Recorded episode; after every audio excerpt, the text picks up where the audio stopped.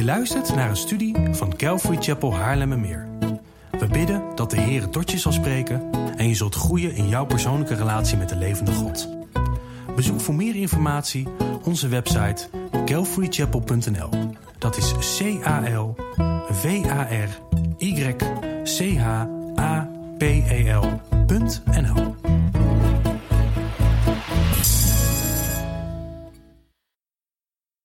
Nou, zoals wij inmiddels horen te weten, is Spreuken, of het Bijbelboek Spreuken, bij uitstek het Bijbelboek dat ons leert uh, over Gods wijsheid. Wijsheid uh, voor het leven van Gods kinderen.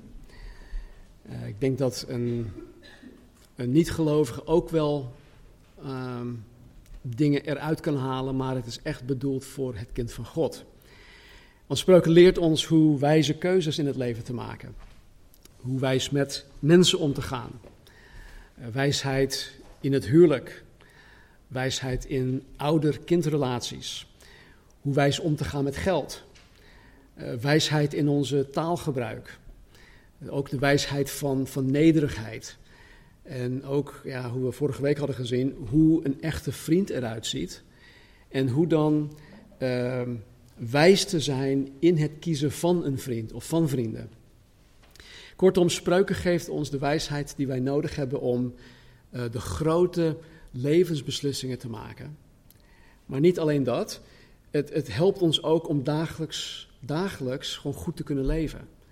Want elke dag, wanneer we opstaan, wanneer we onze ogen openen, dan hebben we nieuwe kansen, hebben gewoon een nieuwe dag die voor ons ligt. En op die dag zullen we geheid uitgedaagd worden op alle fronten. En daarin moeten wij Gods wijsheid um, gebruiken. Daar hebben wij Gods wijsheid voor nodig. En daarom blijf ik, blijf ik erop hameren om, om naast de overige Bijbelboeken te lezen, dat je elke dag één hoofdstuk uit de spreuken leest. Het zal je behoeden van heel veel potentiële ellende. Dus um, ja, dat is, dat is wijsheid wat ik je nu geef. Um, wat kenmerkend is voor de spreuken, is dat het, het, het, het contrasten naast elkaar legt. Bijvoorbeeld iets dat heel duidelijk naar voren komt, is het verschil, het contrast tussen de, de wijze en de dwaze. Uh, als je bekend bent met spreuken, um, weet je dan ook dat, um, dat, er, ja, dat, dat er een contrast is tussen het leven en de dood. En um, als je echt bekend bent met spreuken, dan weet je ook dat er een verband is tussen de wijze en leven en de dwaas en de dood. Er, er zijn verbanden. Eh, telkens wijst spreuken ons op zaken die naar het overvloedig leven leiden. Elke keer opnieuw. En dat dat een, een, een verband heeft met wijsheid. Dus wijsheid heeft een verband met overvloedig leven. Tegelijkertijd wijst spreuken ons op zaken die naar de dood toe leiden. En dat dat een verband heeft met dwaasheid. Dwaasheid en de dood, die hebben een verband. Spreuken leert ons dus niet alleen wijsheid voor het leven, maar het leert ons ook wijsheid met betrekking tot de dood. En dit is waar wij vanmorgen uh, naar gaan kijken, wat de Bijbel ons leert over de dood. In spreuken komen verschillende woorden voor uh, die met de dood te maken hebben. Woorden zoals dood, uh, doden, um, sterven, gestorvenen, graf, ombrengen, ondergang, verwoesting, omkomen, vergaan en zelfs wegvagen. Die woorden hebben allemaal met de dood te maken. En zo'n 45 keer alleen in spreuken heeft de Bijbel iets te zeggen over de dood. We gaan vanmorgen niet naar alle 45 kijken, maar alleen naar één. Um, even kijken, ik hoop dat hij het doet. Zo niet, dan. Uh, ja? Oké. Kijk. Um, er is soms een weg die iemand recht schijnt, maar het einde ervan zijn wegen van de dood. Dus eh, er is, er is een weg waarvan iemand denkt dat dat de juiste weg is. Maar het einde daarvan zijn wegen van de dood. Kijk, dat, dat in ieder van ons te maken zal krijgen uh, met de dood, dat is een feit. Uh, Benjamin Franklin zei ooit: um, er zijn twee dingen zeker in het leven: de dood en belasting. En wij hebben allemaal te maken met, met de dood. Maar hoe we daar komen en hoe het er voor ons uit zal gaan zien, is afhankelijk van de weg die door ons gekozen wordt.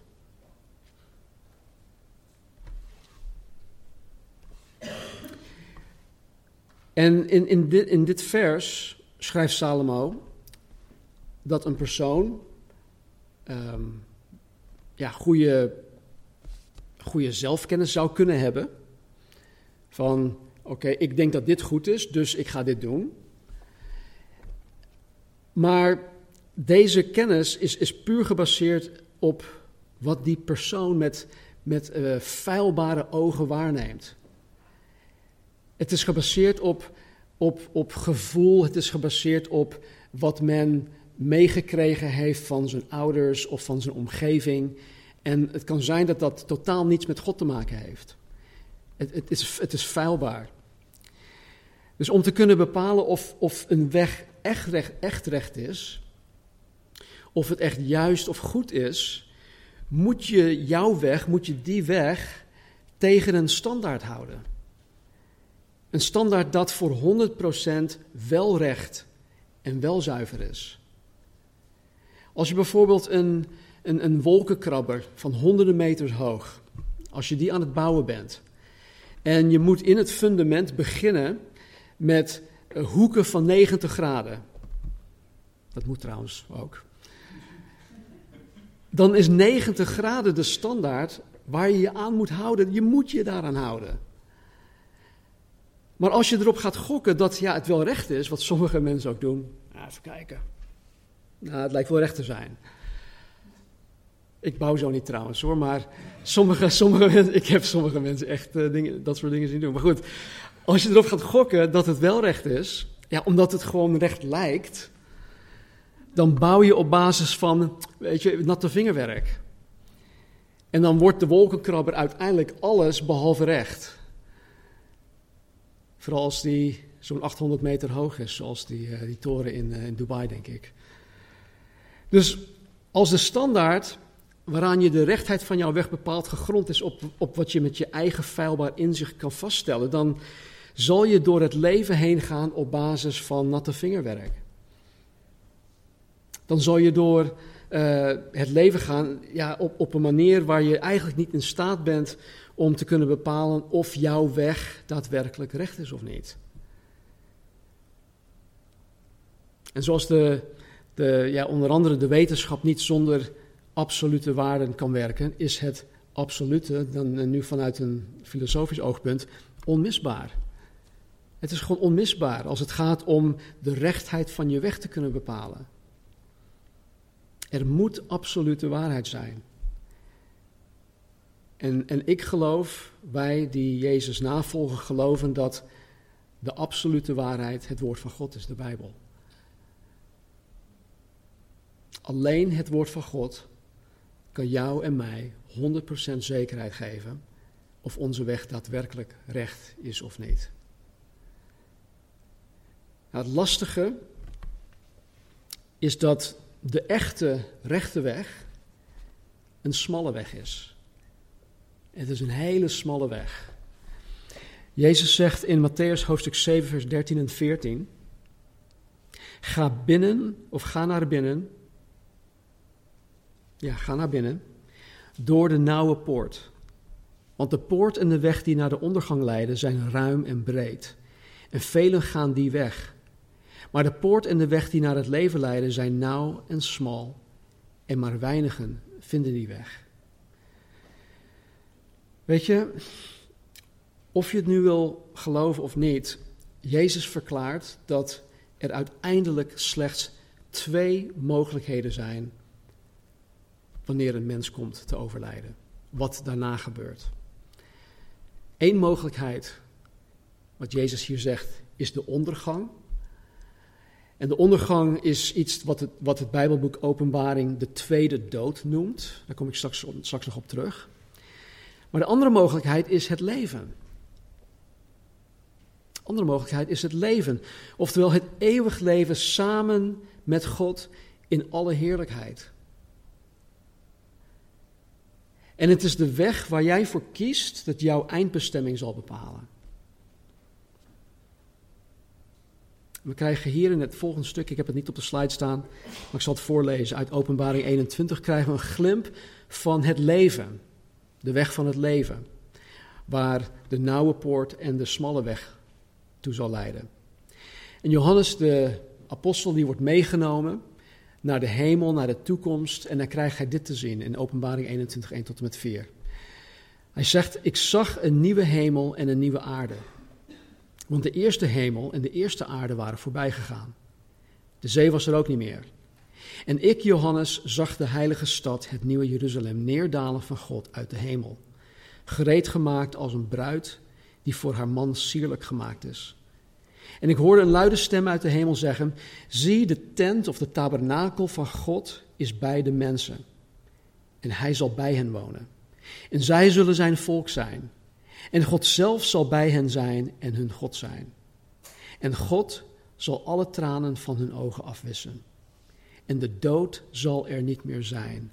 Ook geen rouw, jammerklacht of moeite of pijn zal er meer zijn. Want de eerste dingen zijn voorbij gegaan. Dit is slechts een glimp van wat de toekomst inhoudt voor degene die door de nauwe poort heen gaan en die op de brede of de smalle weg Ehm, wandelen. Door de ruime poort en op de brede weg zullen velen hun eigen weg bepalen door keuzes te maken en beslissingen te nemen op grond van wat zij zelf denken dat goed is.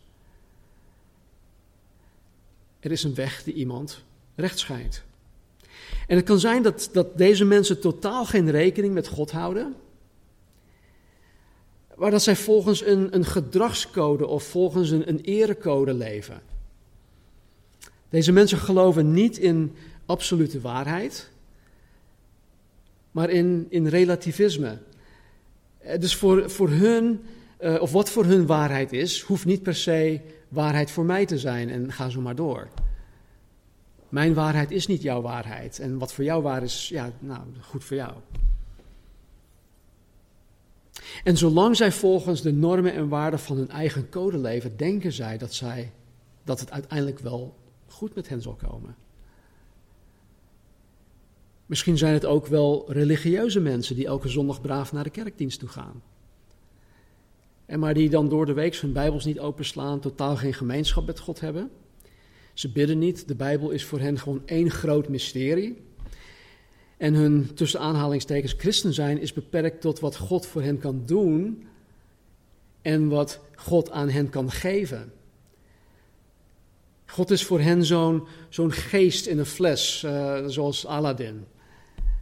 Of God is voor hen misschien een EHBO-koffer of zo'n uh, verbandtrommel.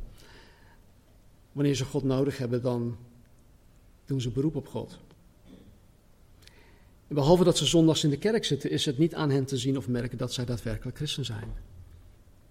Ze denken dat omdat zij ooit een keer gedoopt zijn en regelmatig in de kerk zitten, dat het uiteindelijk wel snor zit. Er is een weg die iemand recht schijnt. En veel van dit soort mensen gaan hun eigen weg door de ruime poort en op de brede weg die naar de ondergang leiden. Maar er zijn ook mensen, er zijn ook mensen die de andere weg kiezen.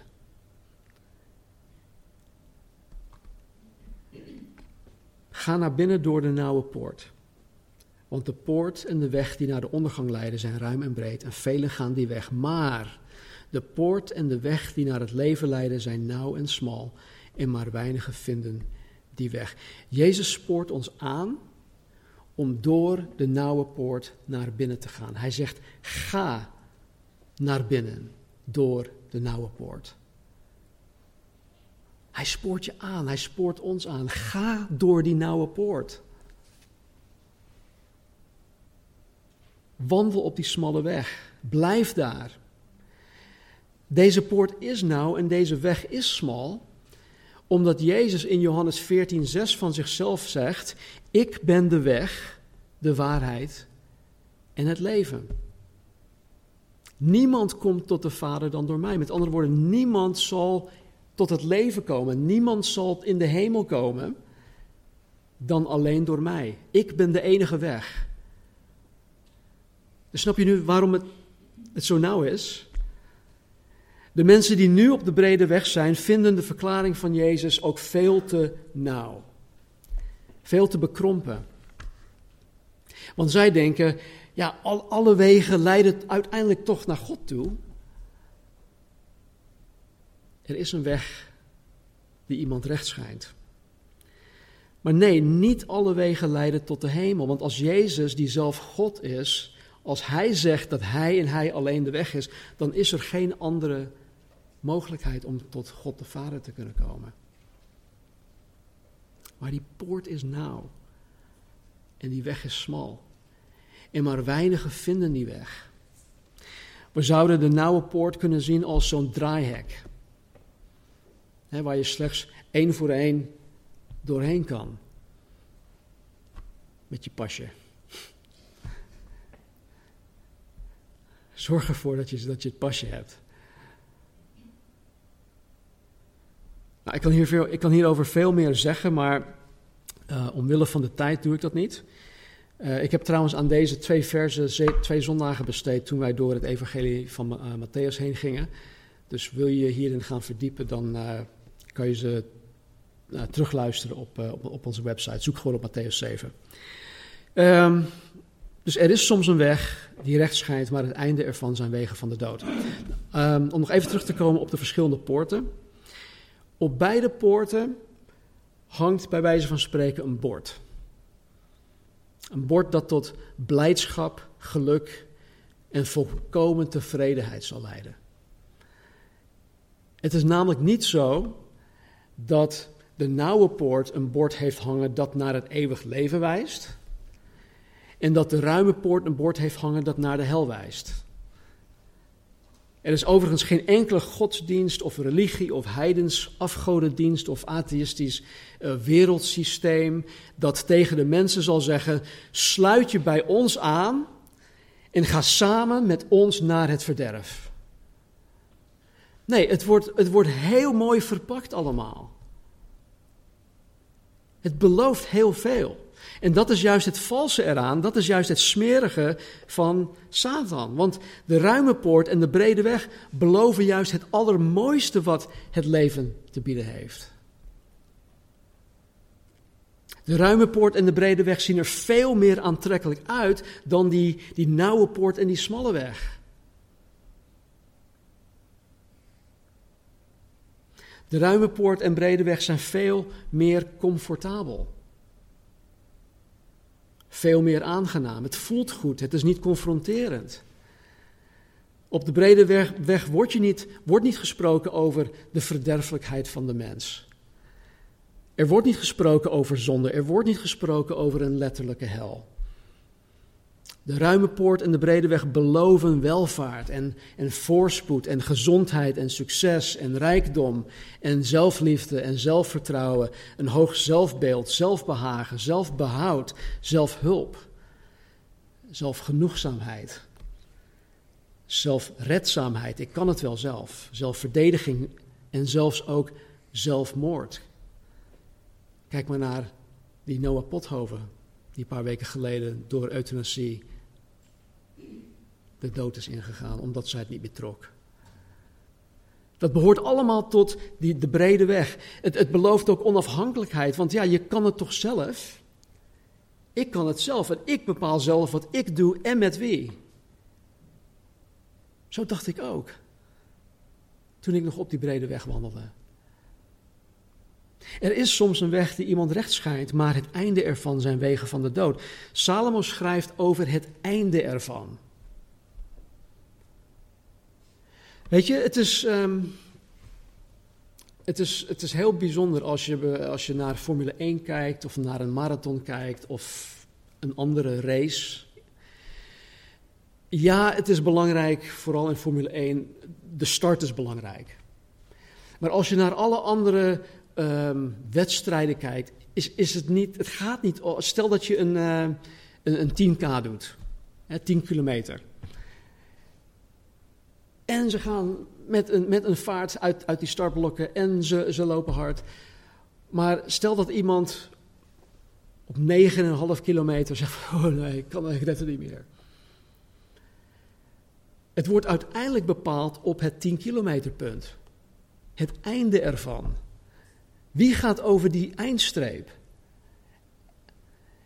En daar gaat het om. En daarom zegt uh, Salomo: er is soms een weg die iemand recht schijnt, maar het einde daarvan zijn wegen van de dood. Hij schrijft over het einde ervan, waar het allemaal toe leidt. En omdat het een gegeven is dat ieder mens op een gegeven moment zal sterven, kan het zijn dat Salomo het niet slechts over de fysieke, de lichamelijke dood heeft, maar over de uiteindelijke dood. Waar Jezus het in Matthäus 7 over had, de ondergang. Maar wat is dat dan? Wat is, wat is deze ondergang? Wat is het verderf waar spreuken over spreekt? Wat, wat is de dood? Wat betekent de dood? Kijk, de Bijbel leert ons in Hebreeën 9, vers 27 dat het het lot van de mens is om eenmaal te sterven. Ik denk dat wij dit allemaal weten. Maar er staat er, en daarna komt het oordeel. Dus op het moment dat je je, je laatste adem hier uitblaast, dan zal je bij wijze van spreken je eerste adem in Gods aanwezigheid inademen. En dan komt het oordeel. Ieder mens zal op een gegeven moment sterven. En dat betekent simpelweg dat zijn of haar lichaam gewoon ophoudt. Maar omdat de mens als enig schepsel Knoop dit in je oren. De mens is als enig schepsel van God een eeuwig wezen. Geen enkel dier is een eeuwig wezen, zelfs de aarde is niet eeuwig. Er komt een nieuwe hemel, er komt een nieuwe aarde. Dus de mens, wij als mensen zijn de enigen die, een, die, die eeuwig zijn. Wij zijn voor de eeuwigheid gemaakt.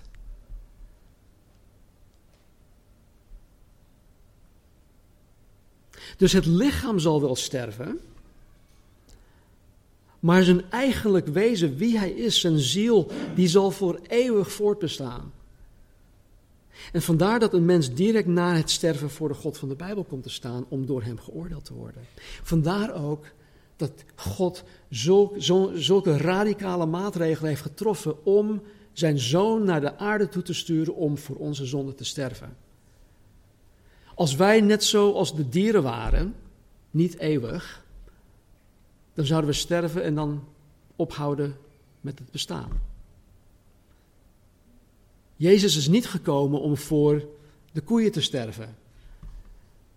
Of voor de geiten of voor de, de schapen. Het zijn niet eeuwige wezens, wij wel. En daarom is Jezus voor ons gekomen, omdat Jezus het, het, de eeuwigheid voor ogen had. Maar als de mens na het lichamelijk sterven blijft voortbestaan, waarom heeft Salomo het hier dan over de dood? Over welke dood heeft Salomo het wanneer hij schrijft: Er is soms een weg die iemand, schijnt, die iemand recht schijnt, maar het einde ervan zijn wegen van de dood? Kijk, zoals ik eerder zei, sprak Jezus in Matthäus over de tweede dood. Ik geloof dat Salomo het ook over de tweede dood had. En in Openbaring 20 en 21 krijgen wij ook daarvan een glimp. En ik zal het voorlezen. Openbaring 20, 11 tot en met 15. Ik zag, Johannes spreekt hier weer, hij zegt, ik zag een grote witte troon en hem, Jezus, die erop zat. De aarde en de hemel vluchten voor hem weg en verdwenen voor goed. Ik zag de doden, groot en klein, dus belangrijk en minder belangrijk. Ik zag de doden voor de troon staan. Er werden boeken opengedaan, ook het boek des levens. En de doden werden op grond van hun daden geoordeeld, zoals het in de boeken geschreven stond. De doden kwamen overal vandaan, uit de zee, uit het graf, uit het dodenrijk. Ze werden allemaal geoordeeld naar wat zij hadden gedaan. En het graf en het dodenrijk werden in de poel van vuur gegooid. Dat is de tweede dood. Als iemands naam niet in het levensboek stond, werd hij in de poel van vuur gegooid. Even verderop in Openbaring 21, vers 8. Maar wat betreft de lafhartigen, de ongelovigen, verfoeilijken, moordenaars, ontuchtplegers, tovenaars, afgodendienaars en alle leugenaars, hun deel is in de poel die van vuur en zwavel brandt. Dit is de tweede dood. Salomo schrijft: Er is soms een weg die recht schijnt, maar het einde ervan zijn wegen van de dood. En ik geloof dat door de inspiratie van de Heilige Geest Salomo de tweede dood voor ogen had. Want dat is het allerbelangrijkste voor God. Dat is het allerbelangrijkste voor God. Welke weg men ook kiest, die in hun ogen recht schijnt te zijn, maar die buiten, buiten Gods voorschriften zijn, het einde ervan zijn wegen meervoudig van de dood. Dus meervoudig wegen van de dood. De mensen op de brede weg geloven dat alle wegen tot God en tot de hemel leiden. Maar het is juist zo dat alle wegen, alle wegen, behalve de weg van Jezus Christus, tot de ondergang leiden. Alle andere wegen leiden tot de ondergang. Het einde ervan zijn wegen van de dood. Maar nu het goede nieuws. Ik heb goed nieuws. Um, ik ga een heel stuk uit Johannes lezen. Uh, als je wil, sla je Bijbel open op Johannes hoofdstuk 8. Johannes hoofdstuk 8 vanaf vers 30.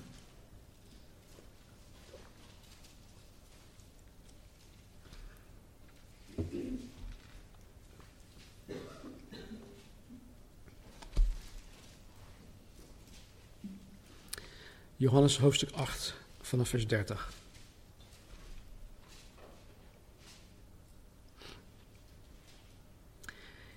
In dit stuk is Jezus weer in discussie met um, de Fariseeën. En er staat vanaf vers 30: Toen hij Jezus deze dingen sprak, geloofden velen in hem. Jezus dan zei tegen de Joden die in hem geloofden: Als u in mijn woord blijft, bent u werkelijk mijn discipelen. En u zult de waarheid kennen en de waarheid zal u vrijmaken. Ze antwoordden hem: Wij zijn Abrahams nageslacht en zijn nooit slaaf van iemand geweest. Hoe kunt u dan zeggen: U zult vrij worden? Jezus antwoordde hun: Voorwaar, voorwaar, ik zeg u: ieder die de zonde doet, is een slaaf van de zonde. En de slaaf blijft niet eeuwig in het huis, de zoon blijft er eeuwig. Als dan de zoon u vrijgemaakt heeft, zult u werkelijk vrij zijn. Ik weet dat u Abrahams nageslacht bent, maar u probeert mij te doden omdat mijn woord in u geen plaats krijgt. Ik spreek over wat ik bij mijn vader gezien heb. U doet dus ook wat u bij uw vader gezien hebt. Zij antwoordden en zeiden tegen hem: Abraham is onze vader. Jezus zei tegen hen: Als u Abrahams kinderen was, zou u de werken van Abraham doen. Maar nu probeert u mij te doden, een mens die waardig die de waarheid tot u gesproken heeft, die ik van God gehoord heb. Dat deed Abraham niet. U doet de werken van uw vader. Ze zeiden dan tegen hem: Wij zijn niet geboren uit hoererij, wij hebben één vader, namelijk God. Jezus dan zeide tegen hen: Als God uw vader was, zou u mij liefhebben. Want ik ben van God uitgegaan en gekomen, want ik ben ook niet uit mezelf gekomen, maar Hij heeft mij gezonden. Waarom begrijpt u niet wat ik zeg? Omdat u mijn woord niet kunt horen. U bent uit uw vader, de duivel, en wilt de begeerten van uw vader doen. Die was een mensenmoordenaar van het begin af en staat niet in de waarheid, want er is in hem geen waarheid. Wanneer hij de leugen spreekt, spreekt hij vanuit wat van hemzelf is, want hij is een leugenaar en de vader van de leugen. Maar mij, omdat ik de waarheid spreek, mij gelooft u niet. Wie van u overtuigt, overtuigt mij van zonde? En als ik de waarheid spreek, waarom gelooft u mij niet? Wie uit God is, hoort de woorden van God daarom. Hoort, wie uit God is, hoort de woorden van God. Daarom hoort u niet, omdat u niet uit God bent. De Joden dan antwoordden en zeiden tegen hem: Zeggen wij niet terecht dat u een Samaritaan bent en door een demon bezeten bent? Jezus antwoordde: Ik ben niet door een demon bezeten, maar ik eer mijn Vader en u onteert mij. Maar ik zoek mijn eer niet. Eén is er die haar zoekt en die oordeelt. Voorwaar, voorwaar, ik zeg u, als iemand mijn woord in acht genomen heeft, zal hij beslist de dood niet zien tot in eeuwigheid. De Joden dan zeiden tegen hem, nu weten we zeker dat u door een demon bezeten bent. Abraham is gestorven en de profeten, en zegt u, als iemand mijn woord in acht genomen heeft, zal hij beslist de dood niet proeven tot in eeuwigheid? U bent toch niet meer dan onze vader Abraham, die ook gestorven is? Ook de profeten zijn gestorven. Voor wie geeft u zichzelf uit? Jezus antwoordde: Als ik mezelf eer, betekent mijn eer niets. Mijn Vader is het die mij eert, van wie u zegt dat hij uw God is. En u kent hem niet, maar ik ken hem. En als ik zeg dat ik hem niet ken, ben ik net als u een leugenaar. Maar ik ken hem en neem zijn woord in acht. Abraham, uw vader, verheugde zich er sterk op dat hij mijn dag zou zien. En hij heeft die gezien en heeft zich verblijd.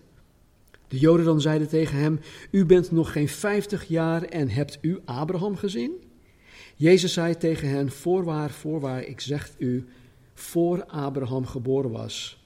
Hier staat ben ik, maar er staat letterlijk: voor Abraham geboren was, ik ben. Zij namen dan stenen op om ze, te, om ze op hem te werpen, maar Jezus verborg zich en ging de tempel uit. Hij ging midden tussen hen door en zo ging hij weg. Oké, ehm, dit schriftgedeelte is, is zo ontzettend rijk, maar het gaat mij vanmorgen slechts om één vers. En dat is vers 51. Even kijken hoor, dit, uh, ja. Voorwaar, voorwaar, ik zeg u, als iemand mijn woord in acht genomen heeft, zal hij beslist de dood niet zien tot in eeuwigheid. Jezus heeft het hier niet over het lichamelijk sterven, maar hij heeft het over de tweede dood. En hij verklaart op een onmiskenbare wijze dat, uh, dat wie Jezus woord in acht genomen heeft, dat wil zeggen wie wedergeboren is en die Jezus navolgt, dat die persoon voor eeuwig in alle heerlijkheid samen met Jezus zal leven. Dit is zo ontzettend duidelijk. Het, het staat in, in ik, ik, denk dat ik iets van tien andere plaatsen, zowel in Johannes, vooral in Johannes, heb gezien, waarin Jezus het eeuwig leven belooft. En dat men niet de verdoemenis in hoeft te gaan. In Johannes hoofdstuk 11 bijvoorbeeld, toen Lazarus uh, lichamelijk gestorven was, zei Jezus in vers 11 van Lazarus dat hij sliep. Hij was lichamelijk al dood. Hij was al vier dagen lang was hij al dood en hij was al begraven.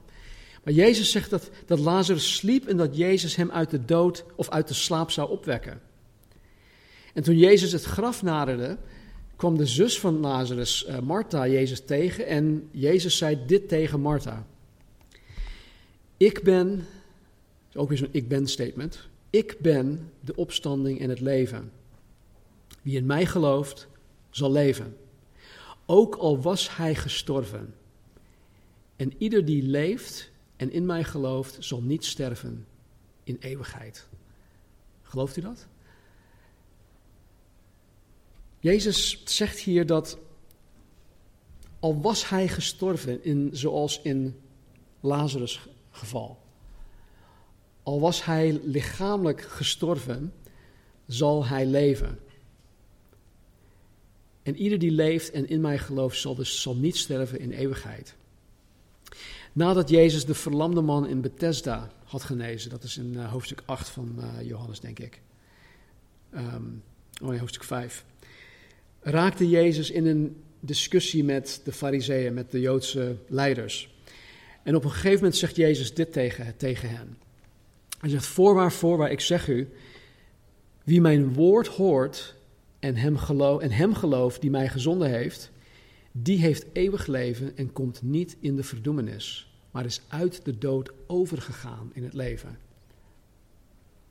En tot slot, in 1 Johannes hoofdstuk 5, vers 10 tot 12, wie gelooft in de Zoon, um, ja, ik heb alleen maar een stukje hiervan, maar wie gelooft in de Zoon van God, heeft het getuigenis in zichzelf. Wie God niet gelooft, heeft God tot een leugenaar gemaakt, omdat hij niet geloofd heeft het getuigenis dat God van zijn zoon getuigd heeft. En dit is het getuigenis, namelijk dat God ons het eeuwig leven gegeven heeft. En dit leven is in zijn zoon. En hier komt het. Wie de zoon heeft, heeft het leven. Wie de zoon van God niet heeft, heeft het leven niet. We moeten één ding heel goed begrijpen. De Bijbel ziet de dood anders dan de mens de dood ziet. De mens ziet de dood als het moment dat een mens zijn laatste adem uitblaast. Ik heb het in de afgelopen paar jaar heb ik het ehm, meerdere malen meegemaakt. Ik was erbij bijvoorbeeld toen mijn, mijn vader zijn laatste adem uitblies in, in december 2017. En wij zien dat als de dood. Maar de Bijbel ziet dat anders. De Bijbel ziet de dood als voor eeuwig gescheiden te zijn van God. De Bijbel ziet de dood als voor eeuwig gescheiden te zijn van God in een plek dat in eerste instantie voor de duivel bestemd was. De poel van vuur en zwavel, waar men dag en nacht voor eeuwig gepijnigd zal worden. Staat in openbaring. Vanuit Gods oogpunt, vanuit een, een eeuwigheidsperspectief, is de lichamelijke dood. Mijn vader is net overleden, een paar jaar geleden. Mijn, mijn broer is drie maanden geleden overleden. Maar vanuit Gods oogpunt is, is wat, wat met mijn vader en wat met mijn broer gebeurd is, dat is slechts een overgang. Het is een overgang. Een overgang van het, het tijdelijke, het hier en nu, naar het eeuwige. Het onzichtbare voor ons. En ieder mens zal hiermee te maken krijgen. Het gaat God niet zozeer om deze overgang, maar wat er, wat er daarna gebeurt. Wat die, de eindbestemming is. Kijk, wat we, wat we wel altijd voor ogen moeten houden is dat die, de keus die wij maken om of door de nauwe poort en op de smalle weg te wandelen, of door de ruime poort en op de brede weg te wandelen, die keus moet hier in dit leven gemaakt worden. Voordat wij onze laatste adem uitblazen. Daarna is er geen kans meer om je van gedachten te doen veranderen. Die keus moet hier en nu gemaakt worden. Dus God geeft mens, de mens de keus. God geeft ons de keus. Er is soms een weg die iemand recht schijnt, maar het einde ervan zijn wegen van de dood. Kies je om gewoon je eigen ding te doen? Kies je ervoor om in God te geloven op jouw manier? Kies je ervoor om jouw, tussen aanhalingstekens, christendom um, ja, te beleven, uit te voeren op, op jouw eigen manier? Of, en, en, en schuif je dit gewoon helemaal opzij? Is dit een mysterie voor jou? Of kies je ervoor om door die nauwe poort heen te gaan? Om op de smalle weg te wandelen? Want de keuze is of Spreuken 14:12, het einde ervan zijn wegen van de dood, of dit. Want zo lief heeft God de wereld gehad, dat hij zijn enige geboren zoon gegeven heeft, opdat ieder die in hem gelooft niet, ver, niet verloren gaat, maar eeuwig leven heeft. Dus de vraag is, wat is wijsheid? Wat is wijsheid hierin? Voor mij is het duidelijk. Laten we bidden. Heere God, dank u wel dat u ons de keus geeft. Weet dat er groeperingen zijn, heren, die niet in die keus geloven. Dat alleen u degene bent die het bepaalt. Maar heren, ik dank u dat u genoeg van uzelf laat zien dat... Ja, al is het dat, dat ik denk dat ik een keuze heb, heren, dat maakt mij niet uit. Heren, ik, ik, ik mag ervoor kiezen. En wij mogen de keus maken, geloof ik. Help ons, Heer, om, om dan ook de juiste keus te maken. Ik dank u, Heer, dat u niet de overgang, de lichamelijke dood voor ogen heeft. Heer, want dat is slechts een, ja, in, in, vanuit een eeuwigheidsperspectief is dat een, slechts een, een klein ding. Ik weet, heren, dat voor, voor ons, wij hier nog in het tijdelijke leven, dat wanneer wij iemand verliezen door de lichamelijke dood, Heer, dat het ontzettend veel pijn doet. En ik geloof ook, heren, dat, dat, dat Jezus, dat u, daar, dat u daarom ook huilde in Johannes hoofdstuk 11. Want de dood, heren, het zij de lichamelijke dood, het zij de tweede dood, was nooit uw bedoeling voor de kroon van uw schepping, de mens.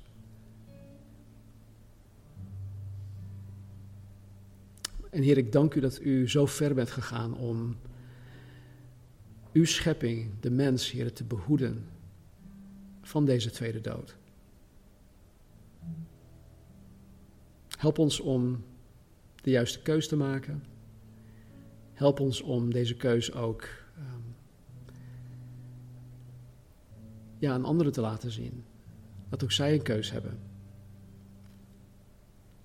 Geef ons uh, vandaag, heren, de komende week, heren, als het één gelegenheid om met iemand te praten over dingen van eeuwigheidswaarde. Doe dat alstublieft. Dank u wel voor het prachtig weer vandaag. Zegen ons, Heer, zegen onze tijd van, uh, van rust. En als we vandaag ook leuke dingen gaan doen, zegen ons gewoon. Gewoon omdat u een zegenende God bent en omdat u van ons houdt.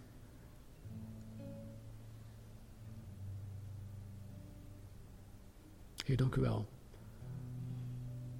Dank u wel voor uw redding. Heer, voor uw liefde, voor uw trouw. Toon ons uw glorie. In Jezus' naam. Amen.